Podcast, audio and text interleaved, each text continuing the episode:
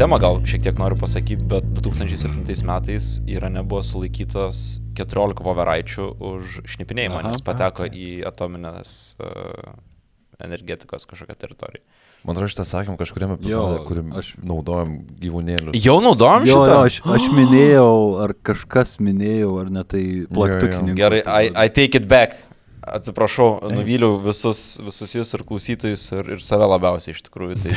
Ne, tiesiog parodo, kiek voveris yra svarbios mūsų vat, keturių gyvenimuose. Ekosistemai. Taip, ir ekosistemai. Nu. Labadiena jums sako Proto Pemza. Audio turinio tinklalaidė prieinama internete. Tai yra faktas. Taip, Tik faktai, tik faktai. tik. Iš kito laido galo jūsų ausų membranų plaukelius šiandien glostys vidutinio amžiaus krizės komisaras Vilius. A, ar žinojai, kad orkos yra natūralus priešas briedžiams? Ar tu meluoji? Čia Ne. tik faktai. Ne, tai yra, tai yra faktas. Kai briedžiai plaukia tarp salų, a, orkos juos pagauna ir su, suvalga. Kaip briedžio gaila. Jo, jo. tokia realybė. Neatrastų nusikaltimo vietų veteranas Tomas. Ahoj, hoj. Kasdieninio pandemonijumo prokuroras Aivaras. Džambo. Ir aš, per ilgų pasakų patrulis Povilas. Tik faktai. Tik faktai. Praėjusiame epizode glotnus Aivaro bosas mus visus gan giliai įmerkė į Rostovo monstro kūruojamą pelkę. Bet šiandien nersim dar giliau į Andrėjaus Čikatilos istoriją ir ieškosime jos dugno. Mm. Tai šiandien toks linksmas epizodas laukia, kaip Ja, suprantu. toks. Galit uh, pradėti valgyti. Tuo pačiu norim perspėti, kad epizode bus tikrai kraupių detalių, kurios gali neigiamai paveikti jautresnius klausytojus. Tai atsargiai. Jeigu dar neklausėte pirmos dalies, tai grįžkite vieno epizodo atgal, mes uh, palauksim. Laukia valanda. Tiesiog valandos tylos interpas. ok, tai priminsiu, kur sustojame prieš dvi savaitės. Praeito epizodo pabaigoje Andrėjus šūdų krūvą Čikatilą savo žmogžudyščių krepšelėje turėjo jau devynias tiesioginės aukas ir net negalvojo judėti link kasos. Aukų žudikų nerandantis sovietų milicija tradiciškai padarė aibę procesinių klaidų, bet prie bylos prisijungė šviežiai iškeptas detektyvas Viktoras Burakovas. Jam iškart pasidarė aišku, kad išmisinėtos aukos turi bendrą vardiklį - tą patį žudiką. Pam, pam, pam. Kad laukose rastas kūnas yra Olgos Stelmačionak, klausimų nekilo. Netoliese buvo rastas natų sąsiuvinis su jos vardu. Į įvykio vietą atvyko Burakovas, kuris ką tik buvo paskirtas detektyvų. Ta diena Novošaktinsko rajono laukuose prasidėjo lenktynės tarp proto ir impulsų, tarp detektyvo ir dar nežinomos pabaisos. Viktoras Vasilievičius Burakovas gimė Kem 6, tai 10 metų vėliau nei Čikatilo. Vaikystėje teko dirbti anglių kasyklose, kolūkį, su tėvais spėjo net 10 metų tolimuosiuose rytuose pagyventi.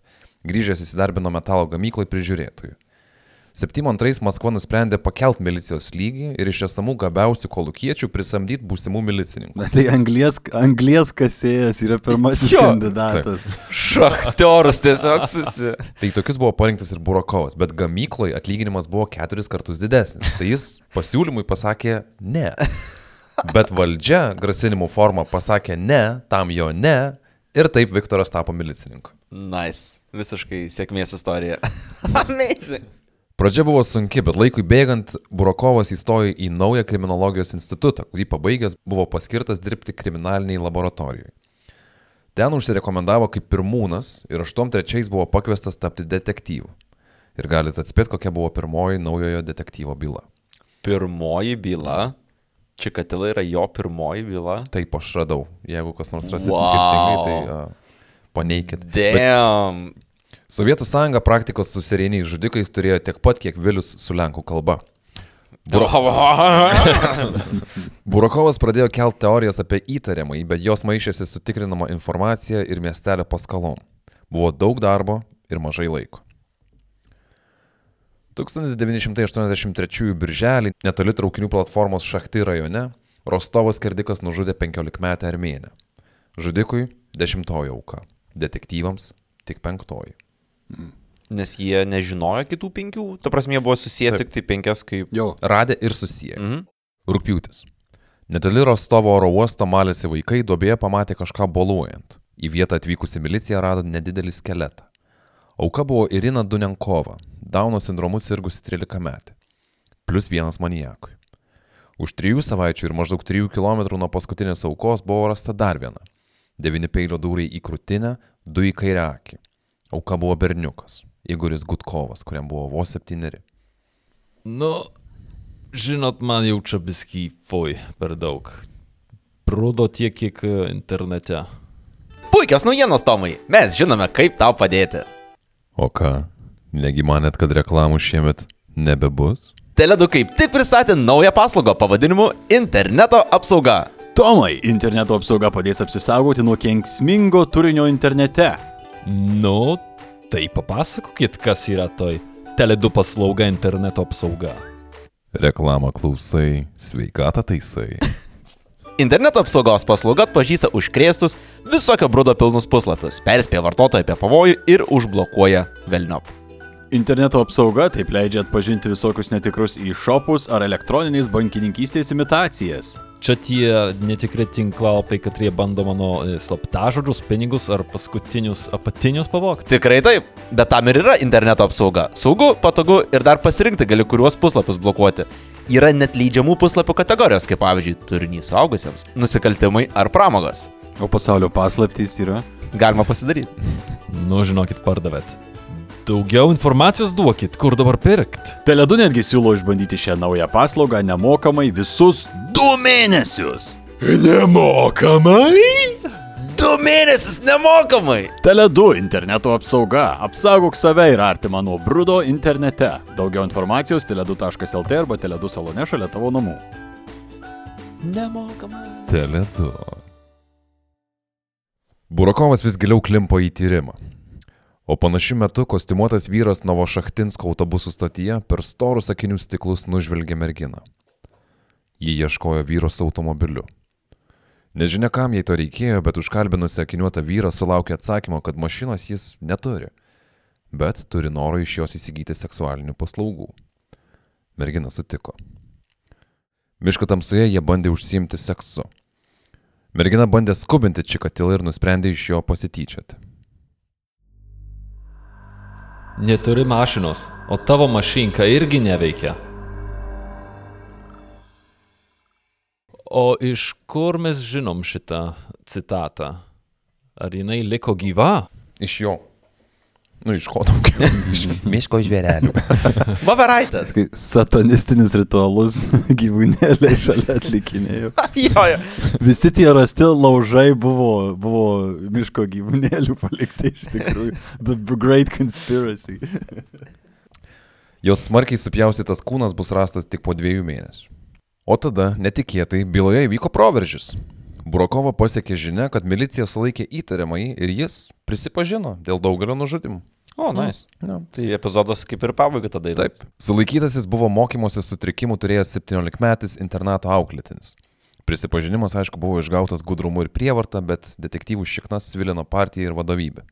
Reikėjo kuo greičiau išspręsti bylą, kuri tęsiasi jau daugiau nei metus. Todėl rasti tokį įtariamąjį, kuris realiai ir pats kaip ir tampa auka, yra labai patogu. Kas nepatogu, tai laikant jį kalėjime sužinoti, kad įvykdyta dar viena žmogžudystė. Čia ta problemėlė, kai net tą žudiką sulaikai, kad toliau žudo vis Taip. tiek. Milicijos skaičiavimu jauna moteris, kuri buvo visa išraižyta ir subadyta, buvo aštuntoji auka. O realybėje? Uh, Atsidaryk savo Exceliuką. 14. Čia kl- Klausytam reikėtų pasakyti, kad Polas turi pasidaręs aukų Excelį visą, Taip. nes jų tiek daug dėjo. O tai jau greičiausiai 14. Po trijų savaičių, spalio 30-ąją, 9 auka. Šiai moteriai buvo suskaldyta kaukolė, nupjautos krūtis, išpjauta gimda ir lytiniai organai. Po mėnesio milicija rado jubiliejinį, dešimtą jau gyvūnų ištampytą skeletą. Čia mes kalbam dešimtą auką žinoma milicijai, o ne iš viso. Taip. Ant kaukolės matėsi tai, kas padėjo sujungti aibę nužudimų į vieno žmogėdros darbus - randai akidobėse. Detektyvai turėjo kelias teorijas apie uždengtas ir išbadytas akis, bet tikrosios priežasties nežinojo. Aš taip elgiausi, nes buvau girdėjęs, kad žudiko atvaizdas lieka aukos akise. Dėl to bodžiau jam akis. Po kelių metų nusprendžiau, kad čia tik bobučių pasakos, tai nustojau badyti akis. Man šita vieta yra gana įdomi. Na, tarkim, priimant a, su druska, bet priimant, kad tai galbūt galėjo būti kažkas, ką jis iš tikrųjų galvojo.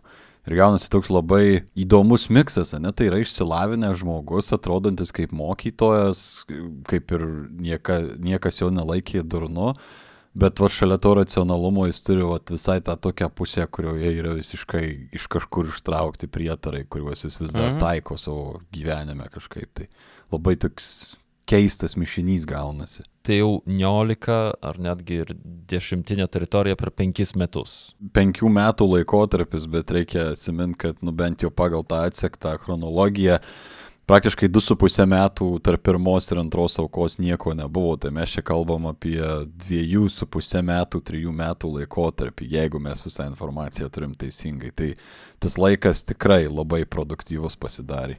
Mhm. Gruodžio 27-ąją eilinių reisų dardėjo pigiausias ir praščiausias vietinis traukinys - električka. Nuo vieno iš kietų jos suolų pakilo vyras.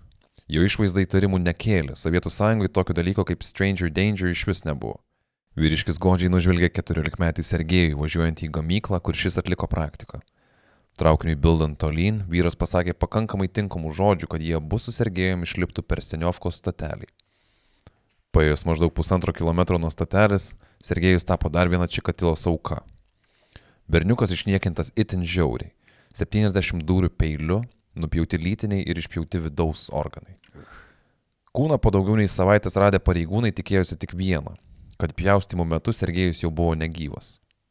Tai, tai čia jau jis pradeda žaisti chirurgą, jau jam neužtenka žudyti, badyti, prievartautis, jau išpjaudinėja organus. Taip, ir Burakovui kilo netgi minčių, kad čia gal yra koks morgo darbuotojas. Pats pjaustimas jis jau atsiranda ir su pirmom aukomis, gan anksti į šitą įsi, įsimušat. Tačiau Sergejaus kūnas padės detektyvams pramušti ledus kraujas stingdančioje byloje.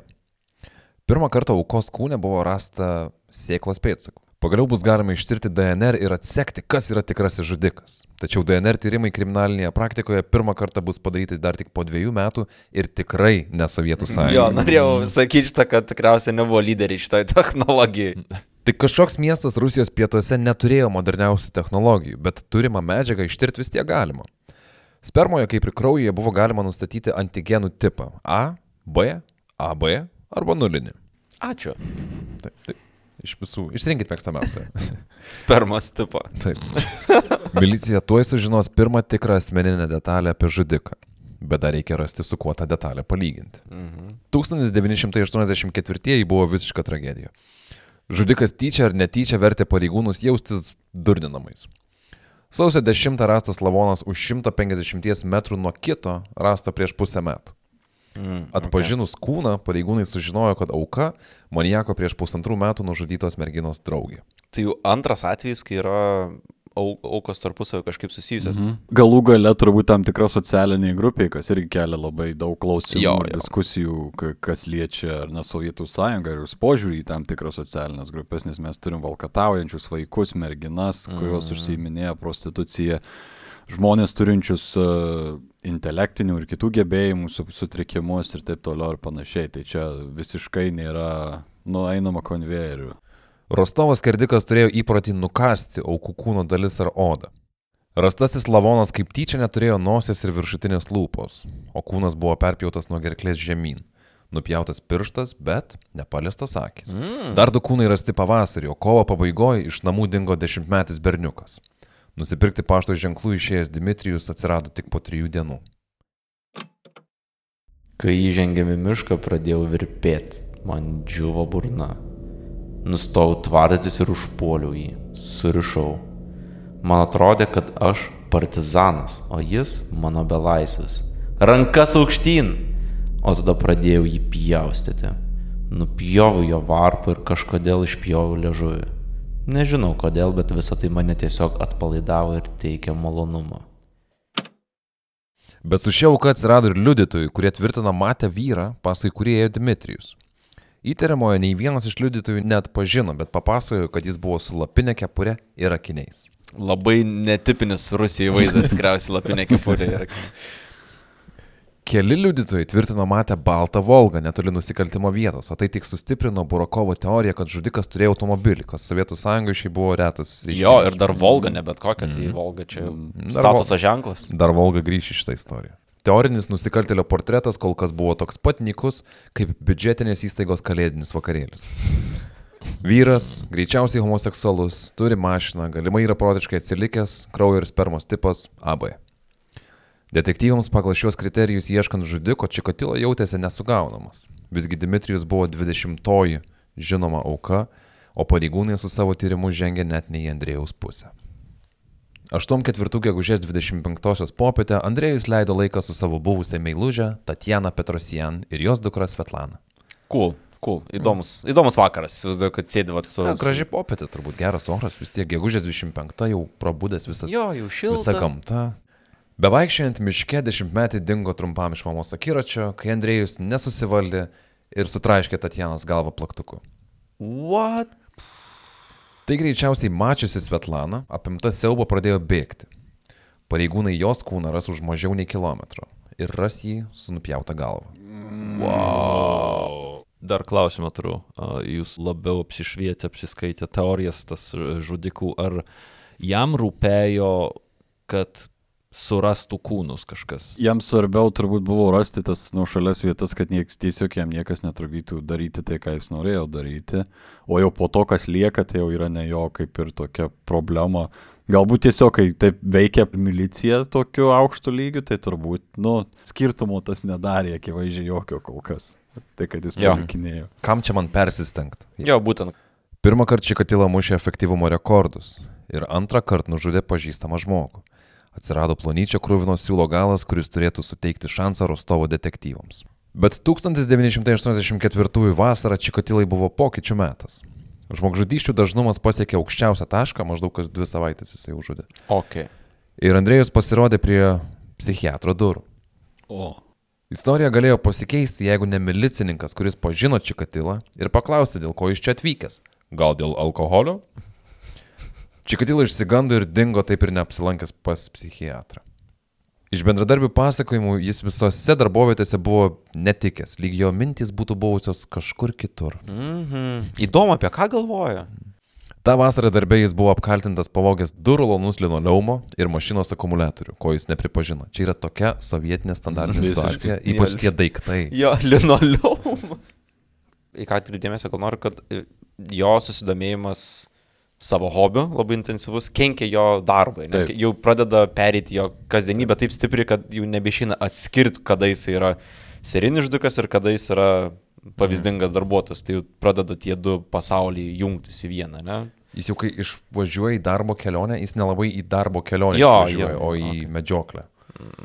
Tai Čikatila Mykė gynėsi, skundus visokius rašė, bet iš darbo buvo vis tiek tyliai atleistas. Bet tyliai, nebuvo milicijai kokiai pranešta ar kažką. Bet Sovietų sąjungoje bedarbių būti negalėjo, tai labai greitai susirado naują darbą, o kitą dieną po pirmosios darbo dienos nužudė paauglę. Po penkių dienų, po penkių dienų, 39 peilio dūriais dar vieną. O tada kelios valandos po nužudimo, lyg niekur nieko, sėdo į lėktuvą ir išvyko į komandiruotę Uzbekistane. Darbo kelionė truko savaitę, per kurią Čikatilas sugebėjo nužudyti dar vieną moterį ir dar vieną mergaitę. Komandiruotės metu tiesiog. Taip, Uzbek, taškente. Jis jo. visiškai yra nutrūkęs nuo lenciūgo, tai prasme, jau jokių stabdžių nebėra, nes tik tai ateina impulsas susijaudinti tikriausiai. Tai kaip matom, žmogžudystės vyko vis dažniau, kūnai subadyti, apipjaustyti ir palikti lietam sunikimui vasaros karštyje ir lietuje. Lavonai aplink Rostovo konfuzino Burakovo. Kaip čia taip yra, kad renkamasi ne viena lytis? Kaip žudikas įkalbina tas aukas eiti su juo ir iš vis jis veikia vienas, ar čia grupuotė? Tyrėjų darbas kabėjo nuomonių skersvėje. Burakovui reikėjo ne tik tirti žmogžudystės ir ieškoti žudiko, bet ir atmušinėti teorijas, kurios jam pasirodė neįmanomos. Mano anksčiau minėtas prisipažinęs, kabutėse jaunuolis, buvo tikrai ne vienintelis toks. Dar du protinį atsilikimą turintys vyrukai buvo sulaikyti po Sergejaus Markovo nužudimo. Dar vienas pijokas buvo sulaikytas lavonais nusėtam Rostovo aviatorių parke, bet jo nusikalstami veiksmai buvo tik tai pritemptas sutapimas. Valdžia norėjo bylą išspręsti kuo greičiau, o Burakovas norėjo padaryti viską mažiausiai sovietiniu būdu. Teisingai. Visa šita makalošė motivacijos tikrai nepridėjo. Pagal teisėsaugos kalendorių Rostovo skirdikas siaučia jau dviejus metus, o realaus įtariamojo nei su Čikatilo sakiniais nerasi. Turėjom net reikėjo tikrinti gandus, kad čia veikia kanibalų grupuotės, kad viena iš jų pralašė kitai ir dabar turi pristatyti 50 vaikų lavonų, arba kad čia iš Kaukazo regiono atsibeldė imigrantai žudė ir panašiai. O paslaptingiausia buvo, kad žudikas važinėjo su juoda Volga, žinom ką tai reiškia, kurios numeriai buvo su frazės mirtis sovietų vaikam trumpiniu. Okay. Wow, ta prasme, skamba labai kreizė, bet bandau įsijausti į žmonės, kurie gyvena toje teritorijoje ir kai tu nežinai, kas vyksta, lygiai vienodai atrodo realūs šitie scenarijai. Šimtai milicininkų buvo paskirti stebėti traukinių platformas, atpažinti galimą žudiką ir jį sulaikyti arba užsirašyti asmens duomenis. Pagaliau, neprireikia nei 20 lavonų, kad skirtų papildomų pajėgų stebėti vietas, kur dinksta žmonės, tipo, ar viešas, viešas vietas, kur renkasi žmonės. 8-4 vasaros pabaiga. Neuniformuotas majoras Zanasovskis Rostovo autobusų stotyje pastebėjo dėdą. Dėdas atrodė normaliai. Kaklaraištis, sakiniai, portfelis, viskas kaip ir tvarkoja. Keptu ranką. Dėdas pakalbėjo su jauna mergina, ta pašoko ir nuvarė į savo autobusą. Dėdas pasitrynė stoties laukiamajam, prisėdęs užkalbino kitą merginą. Nu, majoras priejo, prisistatė ir sako, einam su manim.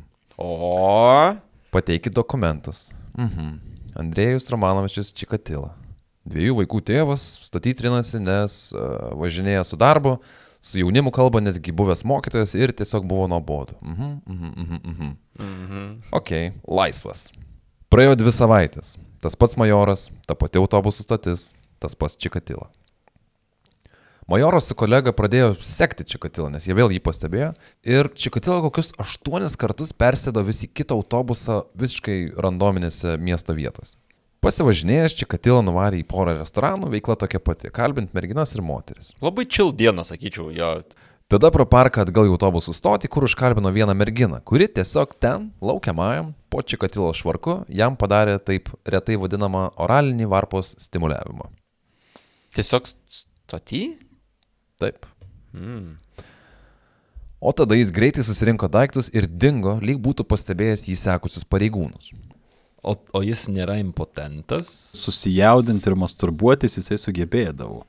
Čia labiau tas akto klausimas paties darimo ir turbūt pačių jūslių už, užaštrinimo iki maksimumo klausimas. Mm. Tai pareigūnai neatsiliko ir jį pasyviai užkalbino. Suprakaitavęs Čikatila pasakė, kad nespėjo autobusą namo, tai lauks kito. E, kiek mokėjai? jo. Pareigūnai nusprendė jį apieškoti. Sulaikytojo portfelyje buvo rasta purvinas rankšluostis, virtuvinis peilis, virvė ir stiklainis vazelino. Bet Wow. tas visas rinkinys toks šlykštus. Mhm. Aš nieko teigiamo nesugalvoju, kas galėtų tai turėti ir nebūti arba pervertas, arba čikatila. Pareigūnai pagalvojo, nu, pagavom, bet ramiai. Čia tik netiesioginiai įrodymai. Pareigūnai patikrino, kad Čikatila tikrai buvęs mokytojas, tėvas, partijos narys, nu viskas kaip ir ok. Stand-up guy iš aprašymo. Mhm. Bet reikėjo palaukti kraujo tyrimo. Žudiko spermos antigenų tipas buvo AB, priminsiu. Čikatilos kraujo antigenų tipas buvo A. Pum. What? Keistuolis, bet ne tas. Tai ta, ta sėkla, kurią rado vienoje aukų, buvo ne jo. Taip išeitų jo. Taip. Jie mane, kad tai buvo ne jo. Mhm. Taip. Arba kadangi mūsų drasus detektyvas jau nebedirba laboratorijoje, tai tos laboratorijos išvados galbūt klaidingos. Jo, kita šachtininkų partija gal ne, nesuvaldė. Arba biologinis fenomenas. Sovietų teisėsauga buvo beveik be paleidžianti Andrėjų gatvę, bet tyrėjų akis užkliuvo už incidentą buvusioje darbovietėje. Milicija išsiaiškino apie nukosėtą akumuliatorių ir linoleumą ir kad darbdavys taip ir nepateikė kaltinimų. Tai pateiksim mes. Ačiū. Tokiu būdu bus galima dar palaikyti Čikatilą už grotų, o jį pasadinus į kamerą su milicijos informatorium, gal dar kažkokios daugiau informacijos išgauti išeitų. Tai planas neblogas ir jisai visiškai neišdegė. Nes Čikatilo neprisipažino žudęs, bet už vagystės šiaip gavo metus kalėjimo ir buvo išmestas iš komunistų partijos. Tai už linoleumą ir batareiką gavo metus kalėjimo? Wow. Ir okay. išmestas iš komunistų partijos, kaip tu nesupranti. Čia baisu. Čia didesnė bausmė. Taip. 15 žmonių per 9 mėnesius nužudęs Rostovo skerdikas buvo pagaliau pagautas. Bet to nežinojo niekas, tik jis pats. Tai iki kitų kartų, mėly klausytojai. Kad ir Čikatilo už groto, bet tyrimas tęsiasi. Ir Burakovas turėjo sugalvoti kažką naujo. Ir sugalvojo.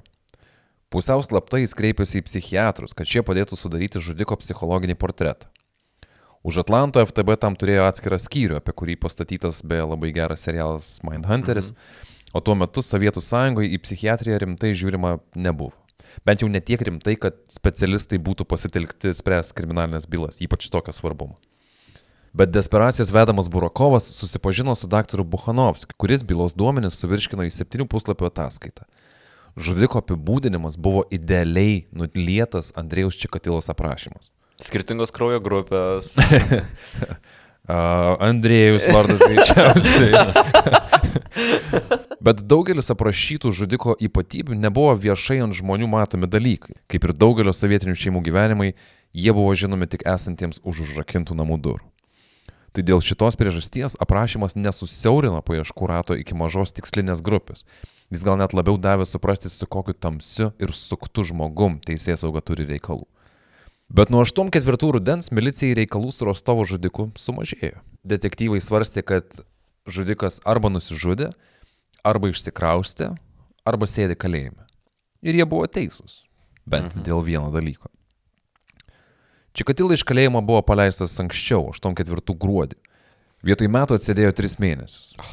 Atgavęs laisvę, Andrėjus rado naują darbą ir bandė suvaldyti savo impulsus. Kalėjimas žmogžudį gerai išgazina, nes nuo pat 8-4 rugsėjo jis žudė nebent laiką. Laiką iki kito momento, kai apimtas pervertiško šėlsmo, kairiai rankui vėl sugniauž peilį. Kadangi Burakovas galvojo, kad žudikas galėjo išsikraustyti iš Rostovo apylinkių, jis informavo visas reikiamas institucijas Sovietų sąjungoje, kad tie praneštų apie panašaus tipo nusikaltimus. 1985 rūpjūtis - Maskva. Šalia Domodedovo oro uosto rastas subadytas merginos kūnas nupjautais speneliais. Burakovas suprato, kad žudikas galėjo atkeliauti į Maskvą lėktuvu, todėl jis sakė sudaryti sąrašus visų skridusių į ir iš Domodedovo oro uosto panašiu metu, kai įvyko žmogžudystė. Žiauriai gera proga sugauti žudiką. Mhm. Bet likimas turėjo kitą planą. Mergina prie pat jos namų komandiruotės metu nužudė Čikatilą, bet nei vieno lėktuvo keliaivių sąraše jo nebuvo. Spėkit kodėl. Atvažiavo su mašina? Ne. Gal turėjo suklastotus dokumentus? Ne, būtų jau čia next level. Aivaras turbūt žino. Na, aš nesakysiu nieko. Vilius buvo arčiausiai. Jis neatskrido į Maskvą, jis atvažiavo traukiniu. Ai, nu jo, kita transporto jo. priemonė. Nežinodami, kad švaisto laiką, detektyvai užtruko mėnesį vien, kad surinktų visų įtariamųjų sąrašą. Fuck. Per tą mėnesį netoli šachti miestelio buvo rasta dar viena auka. Žudikas grįžo namo. Traukinių ir autobusų stotise dirbo neuniformuoti pareigūnai ir pareigūnės, kurios, jeigu būdavo užkalbinamos, vyrai būdavo greitai apklausiami ir jeigu dar biškai kažkas neaišku, paimamas kraujo mėginys. Niekas nebegalėjo praslysti pro pavargusias ir pasimetusias teisės saugos akis. Mm. Blema, koks, kokia lieva situacija, jeigu tu tiesiog užkalbini moterį, nes yep. nėra ką veikti statyti iš tikrųjų.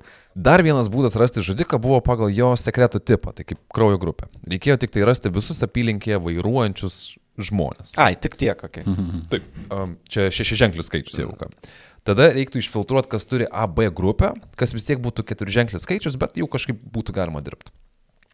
Sovietų sąjunga labai gerai mokėjo pasadinti žmogų už nieką arba už kažką, ką darė daugelis. Pavyzdžiui, vogė iš darbovietės. Tai kad ramiai galėtų toliau pijokauti, rajono vyrai sugalvojo apvokti vietinę ligoninę. Bet išnešė ne spiritą, o A ir nulinės grupės anspaudus, kuriais pasižymėjai savo vairuotojo pažymėjimą ir gali ramiai toliau gyventi. E, absurdiškai yra beje, kad milicija vis tiek tikrino toliau. Netgi mm, žinodami mm, šitą. Mm. Cool. Buvo paprašyta visuomenės pagalbos, bet pradėjo plaukti skambučiai, kur žmonos kaltino savo vyrus pervertiškais prašymais. Jos taip matė progą palengventi skirybų ir vyro iškraustimo į kalėjimą procesą. Mm -hmm. Blemva, koks dick move iš tikrųjų. 85 Burakovas sužinojo, kad buvo sugautas vienas mūsų laidoje jau aptartas serijinis žudikas - Anatolijus Livko. O. Apie jį galite pasiklausyti 24-ame Proto Pemzos epizode. Vat kaip tik po šito, jeigu dar trūkst, pasijungit papildom. Burakovas suimtojas Livko paprašė, kad tas parašytų jam laišką ir paaiškintų, kaip veikia serijinių žudiko galva. Ai, ne, netgi šitą. Mhm. Slivko atrašė, bet jo atsakymai realios naudos taip ir nedavė iš tikrųjų. Jie net nuvažiavo jį aplankyti ir gyvas pokalbis Burakovui tik parodė, koks paprastas ir normalus gali atrodyti serijinis žudikas ir jo atsakymai. Tai čia toks e, rusiškas Mindhunteris įvyko. Mindhunter. Jo, jo, čia Ar kaip būtų rusiškai? Kažkas tokio.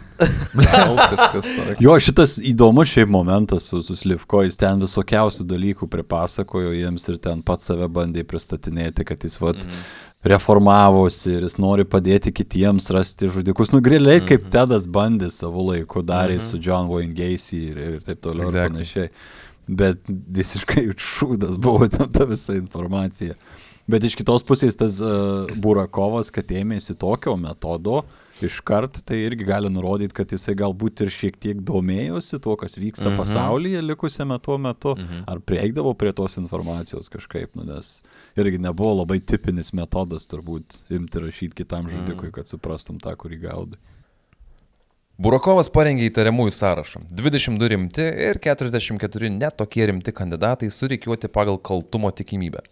Spėkit, ar sąraše buvo Čikatila ir jeigu taip, kurioje vietoje? Deja, bet spėju, kad ne, nebuvo. Man ir atrodo nebuvo. Tai turiu nuvilti, e, Čikatila buvo devintoje vietoje. A ne? Visai Okay. aukštai. Šiaip įdomu tai, kad jau, nu, jau ne pirmą kartą yra su juo susidurima ir įdomu, ar žiūrint į visus žmonės tam sąraše, jie nepastebi, kad, ei, bet tas vardas jau ten buvo, ten buvo, ten buvo, mhm. kad čia kaip ir tie galai ju- jungiasi. Ir, ir čia tie patys žmonės irgi dirba didelę dalim, nes čia yra specialus Mhm, mhm, task būtent. force'as surasti tų, tam žudikui, bet kažkaip nesugeba. Labai neįsimintinas Čikatilo matomai.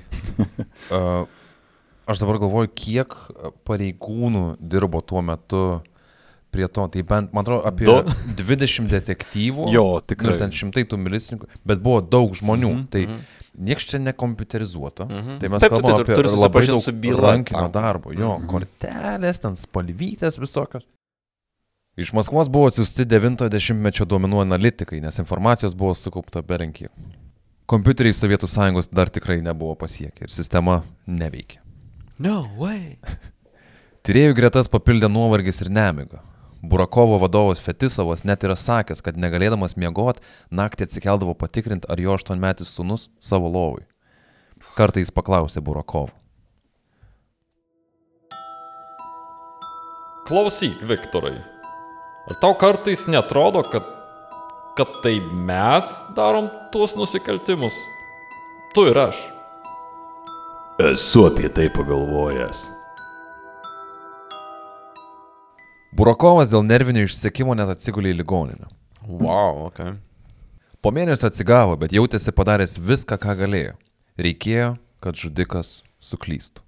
8-6 čikatilai buvo ypatingi dėl bent dviejų dalykų. Išėjo Metallicos Master of Puppets. Pirm, pirmas dalykas. Savai mes suprantame. Tai tada trys dalykai. tai pirmas, kad išėjo Metallicos Master of Puppets, antras, Čikatilai gimė pirmasis anūkas, O, oh, wow, ok. taip. O antra, tai yra, atsiprašau, o trečia, Andrėjus tais metais nenužudė nei vieno žmogaus. Na, šaunu. Ačiū Metalikai turbūt. ja. Galėjo ištransliuoti savo visas, vi- visą įniršį per, per būtent šitą baladę. Toj trobeliai kažkaip įsivaizduoju. Jo. Dėl to ir jinai ir apgriuvo. Su peiliu visas vazelinu išsitepė, žinai. Master! Master! Tik tai priminsiu mums visiems, kad Čikatilos anūkų ir anūkiai šiuo metu yra tik tai keturiais metais daugiau negu mums. Damn. Detektyvai mane, kad jie tiesiog neranda kūnų. Ant tiek jau įtikėjo, kad tęsiasi viskas, jo. kad ne tai, kad galvotų, kad gal nebežudo, bet tiesiog manai, kad neberandi kūnų, ant kiek tu esi toj byloj tuo metu. Bet ir kartu koks Va. Groteskiškas dalykas, ne, in general, nes jie taip, o pagal tai, ką Povilas pasakoja, atrodo, kad, nu, tipo, toks vos nesituacija, nu, šiemet derlius prastas buvo, žinai, ir tipo, Jo, jo, jo. toliau žiūrim, kas čia bus. Crazy, labai crazy mm. laikas, aš neįsivaizduoju, kaip aš tėvas tuo metu galėčiau būti iš tikrųjų, jaučiu bijočiau žiauriai. Jo. Kitais metais taip pat nei vieno kūno. Bet čia tik iš milicijos perspektyvos. 8-7 Čikatila išvažiavo į tarp rajoninės žudynės. Viena auka už 2000 km į šiaurės rytus, viena už 400 km šalia Zaporižės ir trečioji už 1800 km tuometinėme Leningrade, Okay. Sankt Peterburgė. Tai toks inter, e, noriu sakyti international, bet e, labiau e, Soviet. nationwide. Ar net tarp kontinentinis, ar jis ten į šiaurės rytus? Ne, Azija. Europa, Ai, Azijos. Azija. Jo, jo. Tai tarp kontinentinis, nes Sankt Peterburgas ir, ir, ir Azija. Jo. O ką tai rodo, kaip jums atrodo? Kad Rusija žiūri didelė yra. Tik tiek, tikriausiai. Jo. Ir kad Metalikos albumo gali tik tai vat, metus klausyti. Jo, jo, po to, po to išsivadėjo. 1988-aisiais už 150 km nuo Rostovo miesto milicija rado išniekintą devinmečio Aleksėjaus Voronko kūną. Rostovo skirdikui nebeužteko Rostovo. Jau trejai metai kaip Čikatilo nenužudė nieko aplink savo pirminę bazę. Bet Andrėjus peiliai vėl žvangės Rostovo apylinkėse Liepos 14, kai bus nužudytas 15 metais. Tai bus 40-oji Čikatilos auka. Pizza. Buvo- 40-oji. Taip. Burakovas skaičiavimu 26. Ar 24. 26, man atrodo. Tai biškimis mečas toks normaliai mm, skečias. Dvi ženklis mismešas. Jo. 88 einant į pabaigą iš Maskvos mokslininkų atėjo laiškas apie žmonių kraujo ir kitų skyščių grupių nesutapimus. Nurodymas buvo paprastas. Kraujas ir kitos medžiagos kartais gali skirtis. Retai, bet gali. Mhm.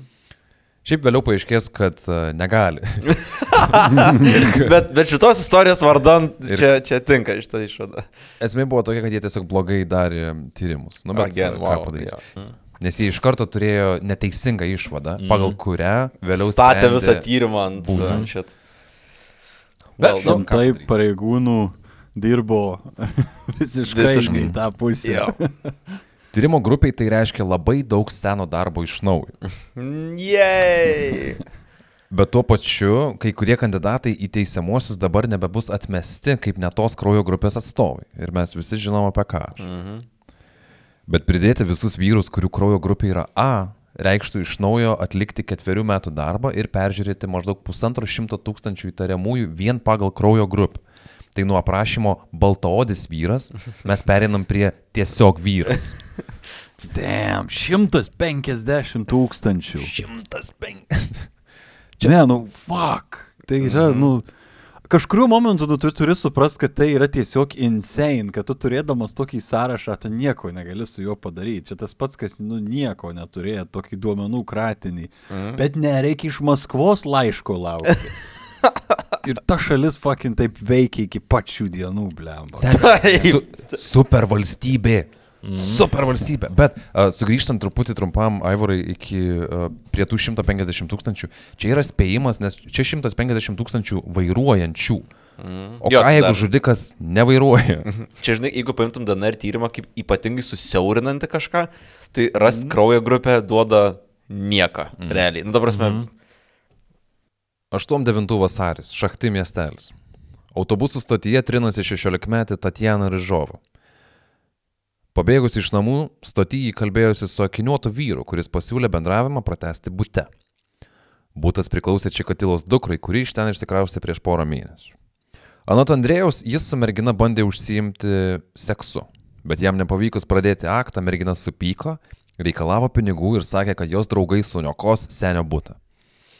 Čikatila ją nuramino smūgiais, o nužudęs suprato, kad bus sunku atsikratyti kūnų. Čia tau ne miškas, kur tiesiog nueitum. mm, Todėl nusprendė kūną supjaustyti gabalais. žinoma, kad taip. Žinoma, kad. O ką daryti? Nu, Aš čia ne tai, kad jo pusė. Tai kažkur yra nupizdinti du linoleumo rulonai, tai gali... Nu. Ne, Nuo grindų atplėšęs, turbūt tuose namuose ir buvo.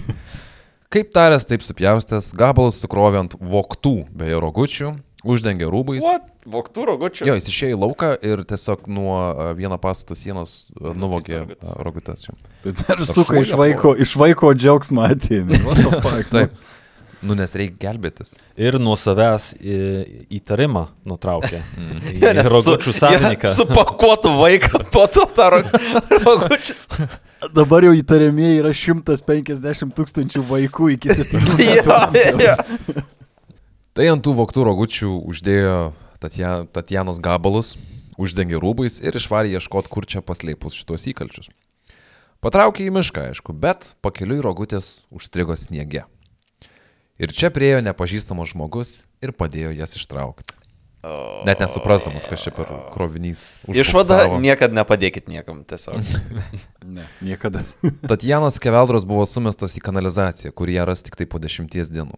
Gegužę, kitą dieną po savo aštuntojo gimtadienio dingo Aleksandras Diakonovas. Užtruks porą mėnesių, kol nusilengvinti sustojęs taksistas ras berniuko kūną. Čia autorius Robertas Kulinas pastebi, kad keičiasi Čikatilos taktika. Greičiausiai jis jau pastebėjo, kad traukinių stotyse trinasi neuniformuoti pareigūnai, todėl šitą auką rado miesto centre, tiesiog gatvėje. Abi pusės žino viena apie kitą, gal net prasilenkia gatvė. Bet šiuo, šiuo metu, šituo metu jau galima ir pradėti sakyti, kad Čikatela įžengia ne į erdves, kuriuose jisai nėra apsipratęs dar veikti. Čia toks visai šiftas gaunasi. Birželis. Čikatilo iš paplūdėmio į mišką nusiviliojo dešimtmetį berniuką.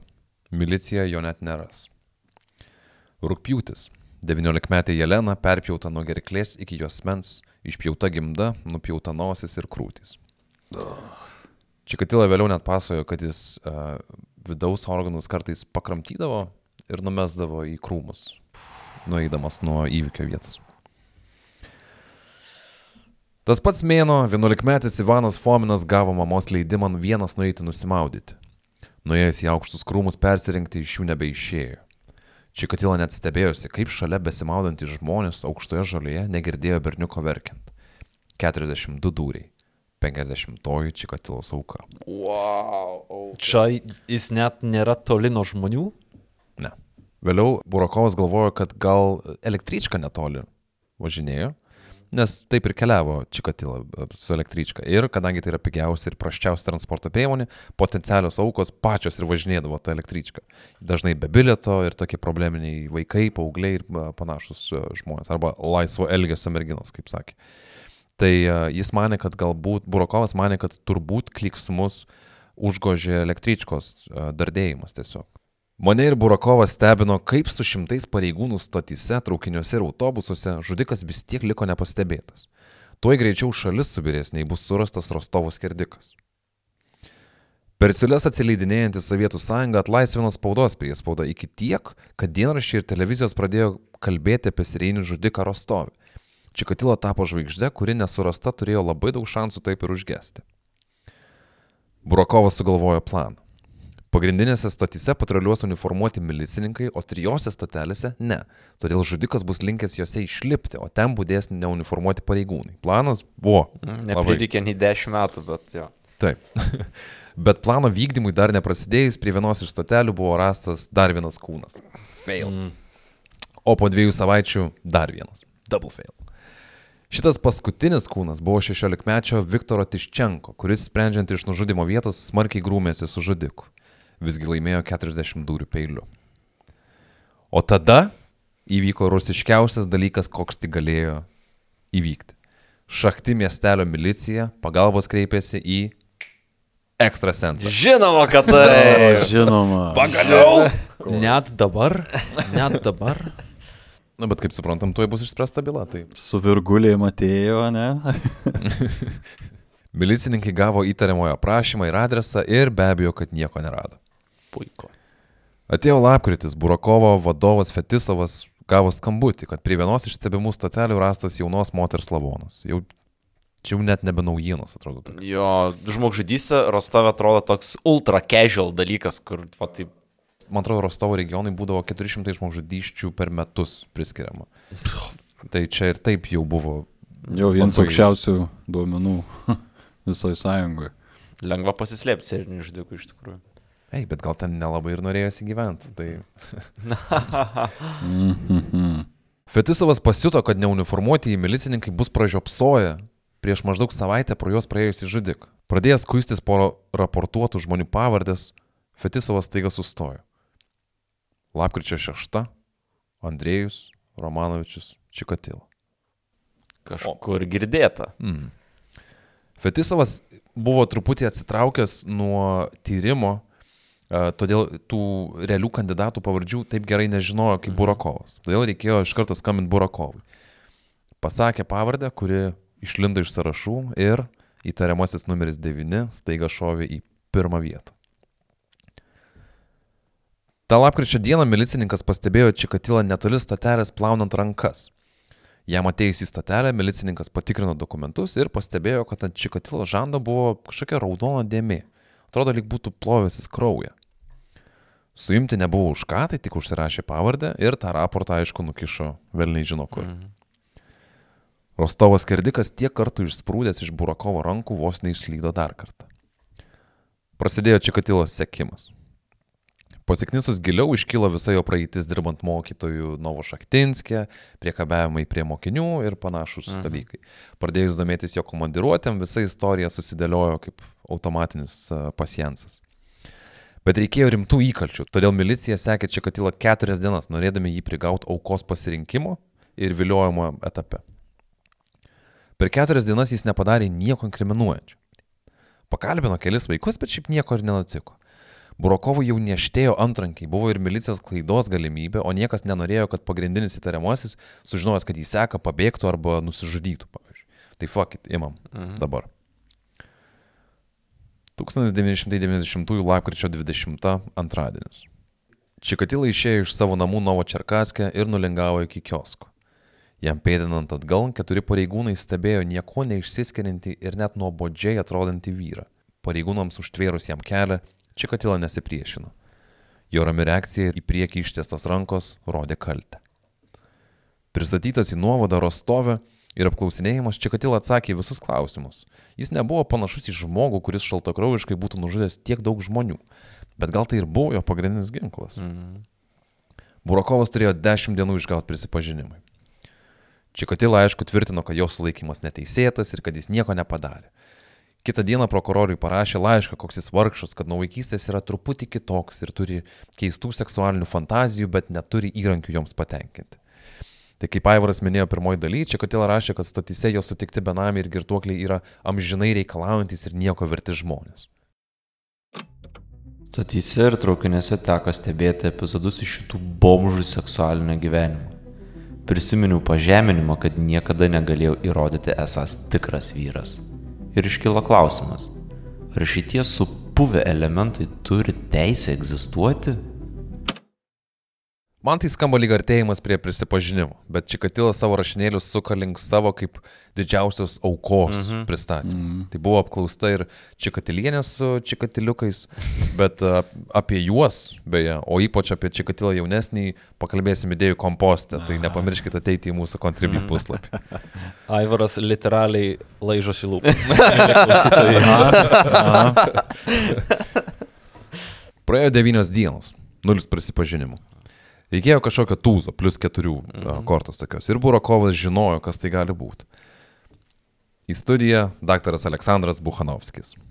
Jis sutiko pakalbinti Čikatilą, bet tik tai kaip daktaras, o ne kaip tardytojas. Tai viskas, kas būtų pasakyta jų pokalbį, netaptų įkalčiais. Tai jie tiesiog pasikalbėtų. Nu ir valdžia sutiko. Po kelių valandų pokalbio beveik 12 metų siautęs Rostovas Kerdikas buvo pasiruošęs prisipažinti. Rimtai? Magic. Šiaip. Wow. Buchanovskijui uh, iš profesionalios karjeros pusės tai čia turėjo būti. Mm, jo, jo, nes čia. visų pirma, tavo darbas įrodytas, ką tik buvo, kad buvo teisingas mm -hmm. ir vaisingas. Mm -hmm. Ir tu dar turi progą pasišnekėti su šitu. Uh, ir įkalbėti, prisipažinti. Realiai. Ir įkalbė. Profesinis wet mm -hmm. dream. Tai. Ja, ja. Aš savo paminklą pastatyčiau, jeigu niekas nestatytų. Per tardymo kambarį viena po kitos keliavo Čikatilos istorijos, kaip jis imituodamas seksą badė vieną auką, tada kitą, kaip tupėjo prie jų, kol jos išleido paskutinį atodusį, kaip apkramtydavo nupjautus lytinius organus ir numesdavo į krūmus pakeliui atgal į nieko neįtariančią aplinką. Prisipažinimas nustebino ne tik savo žiaurumais, bet ir feilais. Pareigūnai sužinojo, kad jie su Čikatilo turi vieną panašumą. Visi jie kalti dėl bent vieno žmogaus mirties. Čia kalbu apie Kravčenko, kuris buvo nuteistas mirties bausmė. O labiausiai nustebins milicija, kad dokumentuose ir kapuose detektyvai turėjo 36 lavonus. Čikatilo pridės dar 17. Nu, tiek netrastų kūnų, reikia ieškoti. Tai grupelė milicininkų, Burakovas ir antrakiais pasipuošęs Čikatilą iškeliavo ieškoti dar netrastų kaulų. Nusikaltimų vietose Andrėjus nerodė labai daug entuzijazmo ir į klausimus taip tyliai ir nuleidęs galvą atsakinėjo, bet kartais, kai demonstruodavo, kaip badė aukas, atrodė, kad jis visai didžiavosi savo pasiekimais. Buvo atlikta psichiatrinė ekspertizė, bet Andrėjus buvo pripažintas pakaltinamu. Sunkiai iš skurdo išlipęs, išsilavinęs labiau nei įprastas Sovietų sąjungos pilietis, Andrėjus Čikatilo atrodė kaip bičias, kuriam pavyko kažką pasiekti gyvenime. Bet jam trūko vienintelio dalyko, ką turėjo visi kiti aplinkui - galimybę suartėti fiziškai. To jam nepakeitė nei vienas diplomas. Andrėjaus Romanovičiaus laukė paskutinis egzaminas - teismas. Yes! Čia įsivaizduoju, kad buvo šimtmečio procesas. Visa tauta Taip. stebėjo ir čia buvo... Tautai buvo daug vėliau pasakyta, Ai. nes nenorėjo milicija mm. feilo, jeigu netyčia Ne tas. Jo, čia C grupė kraujo. A, fuck, tokios net nėra. Sovietų sąjungoje yra. Ja, komunistinė kraujo grupė. Raudonesnis. Raudonesnis. 1992 balandžio 14. Antradienis. 200 susirinkusiųjų teismo salėje Rostovė sukruto, kai į salę buvo įvestas kaltinamasis. Čikatilo nuskusta galva atrodė visiškai atitinkantis savo dosie. Aukų artimieji pradėjo šaukti ant jo žudikas, ką tu padarėjai. O Čikatila vienu metu išsitraukė laikraštį su iš nugaros e, nufotografuota nuoga moterim ir atsuko į vieną iš rėkiančių moterų. O tada nusižiovavo. Wow. Ok. Labai jau arogantiškas jis, kai žinai, kad Rusijos konstitucija tokio masto nusikaltimam turėjo tik tai vieną bausmę. Gynybai buvo paskirtas advokatas, bet jis nelabai ten kažkokią funkciją ir turėjo. Procesas buvo teisėjos stumimas ant čikatilos, į ką tas dažniausiai iš pradžių atsakė tyla. Ir teisėjas Akupžanovas tiek stumė ant čikatilos, kad proceso dalyviai net prakalbo, kad teisėjas yra šališkas ir gal reikėtų jį pakeisti. Bet sunku būti nešališku, kai prieš tave stovi šitiek uh, dešimčių žmonių uh, gyvybės nusinešęs maniakas ir pedofilas. Plus teisėjui reikėjo, spėčiau, peržiūrėti visas bylos, visus duomenis, nuotraukas ir panašius Mm. Teismas persirito jau net į birželį ir viskas atrodė maždaug taip, kad teisėjas rėkia ant čikatilos, o čikatila ant teisėjo, kol teismo darbuotojai bando skaityti tūkstančius puslapių apie nusikaltimus ir surinktus įrodymus. Vieną dieną čikatila paklausė teisėjo, gal tas nori permėgot su juo. Ok, labai. Akubžanovas jam liepė užsičiaupti. Aš čia viršininkas. Čia mano laidotuvės. Nesijuokit iš manęs. Iš manęs žmonės visą gyvenimą juokės. Vieną dieną čikatila pradėjo nusirenginėti ir pasakė, man laikas gimdyti. Gal jis bandė imituoti nepakaltinamumą kažkokią, jau tiesiog čia jolo manevrai prasideda, kur... Čia galim kelti teoriją, kad jisai arba nevaldė savo impulsų, kuo pasižymėjo tikrai, Mhm. arba uh, puikiai suprato, kas jo laukia ir bandė išsisukti nuo mirties bausmės kaip nepakaltinamas.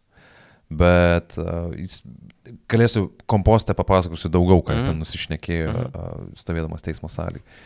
Bet ekspertai sutarė, kad planuodamas ir darydamas nusikaltimus jis puikiai suprato, ką daro. Ir vien planavimas rodė, kad jisai suvokė savo veiksmus. Jeigu būtų išprotėjęs, tai aukos būtų buvusios gal labiau atsitiktinės, gal būtų, nebūtų tokių uh, performance'ų atlikta Mhm. jom nuviliot toliau nuo žmonių, gal nebūtų tiek saugojasis milicijos ir, ir iš vis taip ilgai gal nebūtų, žudęs. Vis tiek po 8-4 sulaikymo jis apsiramino kažkiek. Mhm. Tai reiškia, kad savisauga kažkokia kaip nusikaltėlė Jo, jo. egzistuoja. Tai čia tie jo riekavimai teisme labiau atrodė kaip spektaklis, o ne kaip lyga. Nu ir spektaklis užtruko iki rūpjūčio, kai vieną rytą baigiamą į žodį tarė Čikatilos advokatas Habibulinas. Nesitikiu, kad mano balsas bus išgirstas labiau nei visuotinis šauksmas nužudyti Čikatilą. Pakaltinamas žmogus nebūtų galėjęs įvykdyti šių nusikaltimų. Ir jis buvo teisus, bent jau dėl vieno dalyko. Kitą dieną, pakilus, Čikatilas stovėjo savo narve ir dainavo komunistinės dainas. Kažką nusišnekėjo apie tai, kaip jis nušvitintas radiacija, kažką apie mafiją, kažką apie Černobilį. Ir tada prokuroras paprašė mirties bausmės. Vaikystės siaubo ir jaunystės patyčių nulietas, o tada savo pasirinkimų ir nesivaldymo nudailintas žmogėdra paskutinių žodžių atsisakė. Po dviejų mėnesių nuosprendžio paskelbimo dieną aukų giminės užtvindė salę pykčių ir liūdėsių. Buvo skaitomos visų aukų pavardės ir jų likimai. Čikatilo iš savo narvo reumojo, kad jis nekaltas, parodykit kūnus, čia nesąmonė. Žmonės salėje jam atgal rėkė visokius palinkėjimus. 92 spalio 15 savo 56 gimtadienio išvakarėse Andrėjus Romanovas Čikatilo dovanų gavo tai, ko visa šalis jam ir palinkėjo - mirties bausmę. Yes. Žmonės saliai plojo ir verkė. Dauguma bausmę būtų galėję įvykdyti ten pat mm -hmm. savo rankoje. Jo, net nebejoju. Rėkit ant moterų, jūs išleiskit man jį. Mm. Vienos aukos uh, giminaitis kažkokį metalo gabalą kietą net metį čikatilą, mm -hmm. bet nieko nepadarė. Ir daug pasako, kad milicininkas, kuris šalia stovėjo, čia visgi teismo salė, mm ne, vyksta teismo procesas. Mm -hmm. Milicininkas jam pasakė tiesiog, uh, žinai, gal tu eik kol nieko dar neatsitiko. Mm. Net nesudrausmino vos ten. Taip, tiesiog nepataikiai. O, Eik kitą pasiimti. nu. Paskelbus nuosprendį jau galima užsiimti kitą veiklą. Atsikimšti šnapso ir pamyščiot, kad Sovietų sąjunga sugriuvo. Suprast, kad 12 metų užtruko sugauti čikatilą ir ieškoti kaltų. Daug visokios veiklos. Mm. O Rostovo apylinkių gyventojai liko besvirduliuojantis. Kas tarp palengvėjimo ir baimės, kas nuo šnapso. Kalėjimo Rusija Rostovo skerdiko dienos ir mėnesiai artėjo prie pabaigos. Paskutinis klausimas. Ką jūs galvojate apie savo gyvenimo finalą? Galvojate apie savo mirtį? Aš nežinau. Aš jau seniai anam pasaulyje gyvenu. Mane seniai atskyrė nuo šito pasaulio. Jame nieko neliko. Tolimesnis Čikatilos likimas klostėsi lyg iš teismo nuosprendžio nulietas.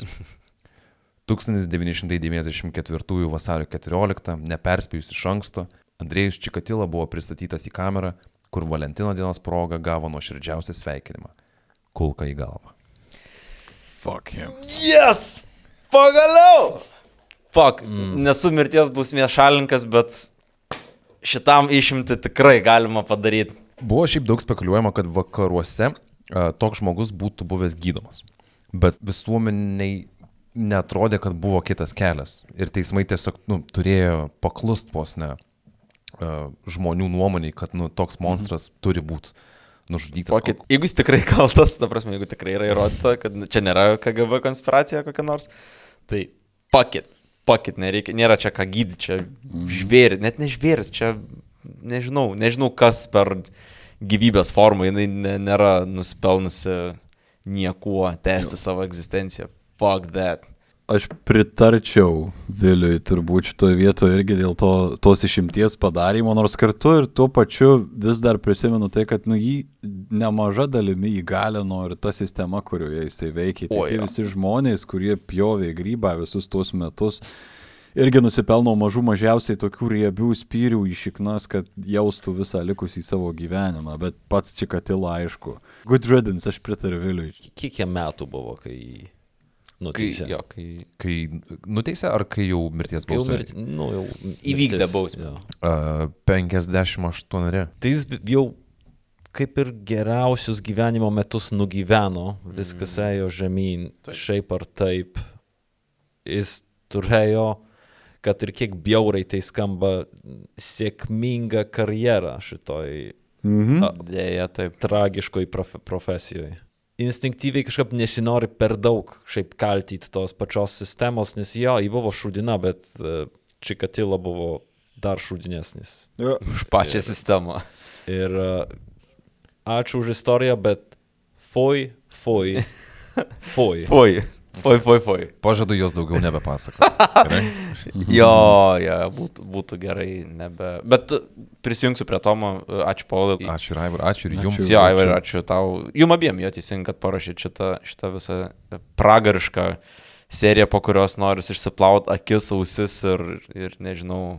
Ir uh, naršyklės istorija. Ir, ir tai tau, tau Raivarai ypatingai. Ir ačiū tiem, kurie vis dar dabar nenukrita ir vis dar klausosi. Kas išklausėte iki čia.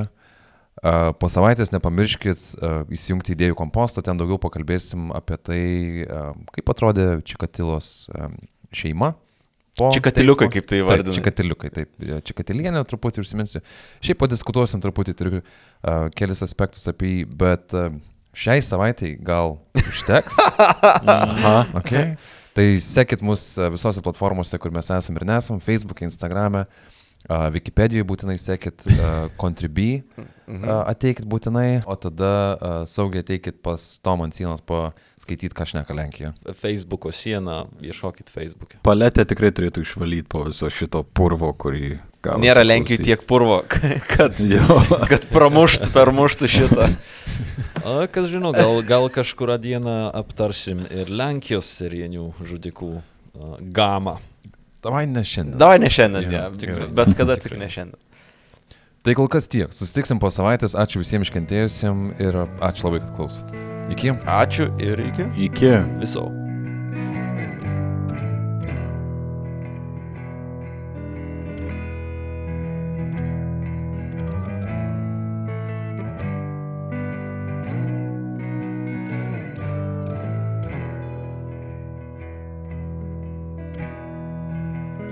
Hei, ačiū Jums, kad išklausėte epizodą. Ir ačiū, kad išklausėte ir buvusius epizodus, ir kai kurie net ne po vieną kartą. Tai šis sezonas prasidėjo truputį tamsiau, bet brutalizacijos električka tikrai varys visų greičiu ir net nemanys sustoti. Jei jau bus per daug, tai parašykit, nepažadam, kad kažką padarysim dėl to, bet bent jau pabendrausim. O dar papildomai norėčiau padėkoti visiems mūsų dešimtukininkam. Tai riebu kaip sovietinis kyšis ačiū šį kartą gauna Iman Zeman, Julius, Tomas, Renata, Irmantas, Albinas, Urtė, Jėva, Ernestas, Dovilė, Augustė, Sandra, Inga, Simas, Gabija, Aušra, Jurgita, Gedrius R. Breideris, Aušrinė, Agnietė, Ante Meridium, Marius, Gabrielė, Nerijus, Lėnsė, Giedrius, Eglė, Roberta, Ernesta, Viktorija, Monika, Gabrielė, Volter Punk, Eugenijus Astas, Semas G, Mantas Cool, Mindaugas, Dan, Simona Rimantas, uh, Ruta, Andrius, Vaidas Persivalis, Mildelė, Lina, Brigita, Arnoldas, Marija, Nastiuša, Arvidas, Burbulišės, Saulis Arūnas, Edvinas, ne šiaip Indrė, Diana, Rokas, Akvilė, Rasa, Grėtė, Ufonautas, Žygimantas, Jolita, Vyga, Greta, Kietrė, Erika, Rūta, Toma, Antanas, Gabrielius, Benas, Rolandas, uh, Tadas, Rokas, Justinas, Domantas, Aurimas, Jovita, Eirime, Ainas, Dominikas, Mikas, Artūras, Evelina, Mantvidas, Kūgis, Mūgis, Gediminas, Čin, Dominika, Simas, Eglė, Justinas, Kunigunda. Aš taip ir negirdėjau tos dienos nuo pradžių galo. Nu, bet ką darysi. Uh, Venskūnaitė, Aurita, Šarūnas, Jūri, Lina, Stepan, Justina, Akvilė, uh, Štrimaitytė, Arvinas, Donelaitė, Meškis, Marius, Rytenė, Treigytė, Gabrielė, Melita, Marijus, Martinas, Žygimantas, Jonas, Justė, Edvardas Mykolas, Edita, Arūnas, Kamilė, Lukas, oh, Saulis, Rūta, palaukite.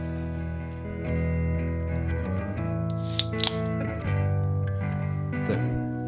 Uh, Benas Dominikas Rasa, Aušra, Darislavas, Asta, Tadzikutis, Remigijus, Povlas, Greta, Eglė, Audra?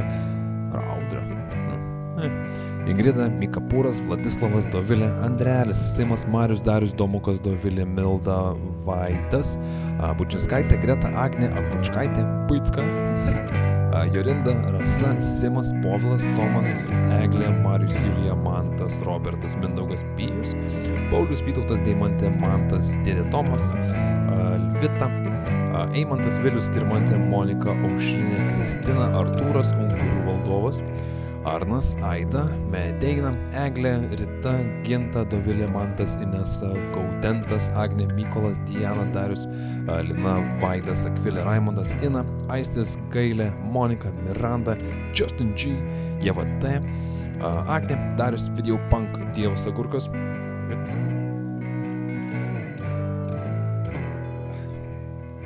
Taip. Laimonas Petras, Liudas, Reda, Paulius, Raimondas, Povilas, Arvega, Kristė, Vytautas, Justas, Almantas, Miglė, Indrė, Karolina, Audrius, Kamilė, Robertas, Marijus, Robertas, Vaidotas, Tomas, Gerulė, Irmantas, Aretas. Jo.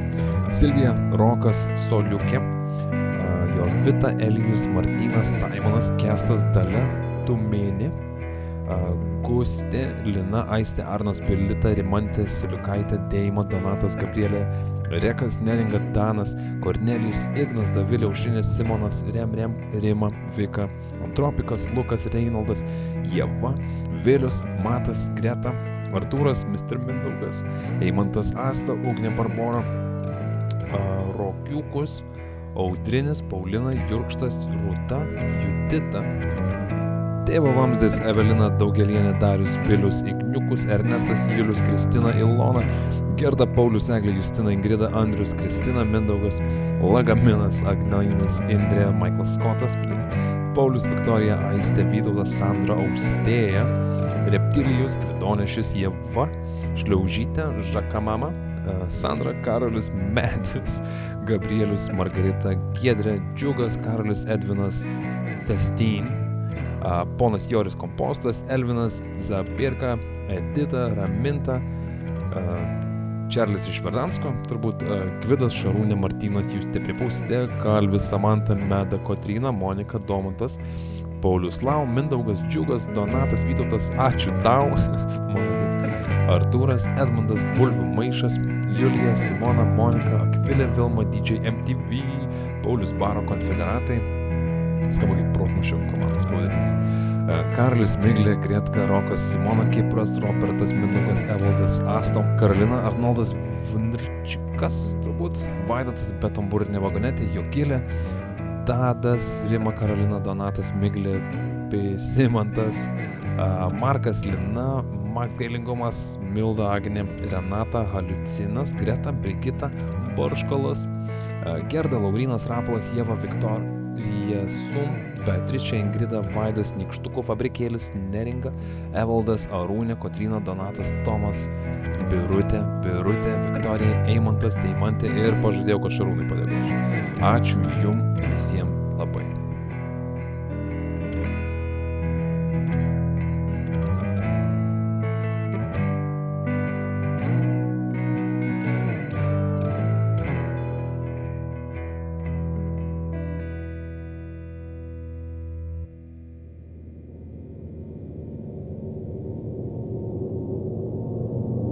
Visiems linkėjimus perduok, su kuo aš dirbu ir gyvybės gelbėjau.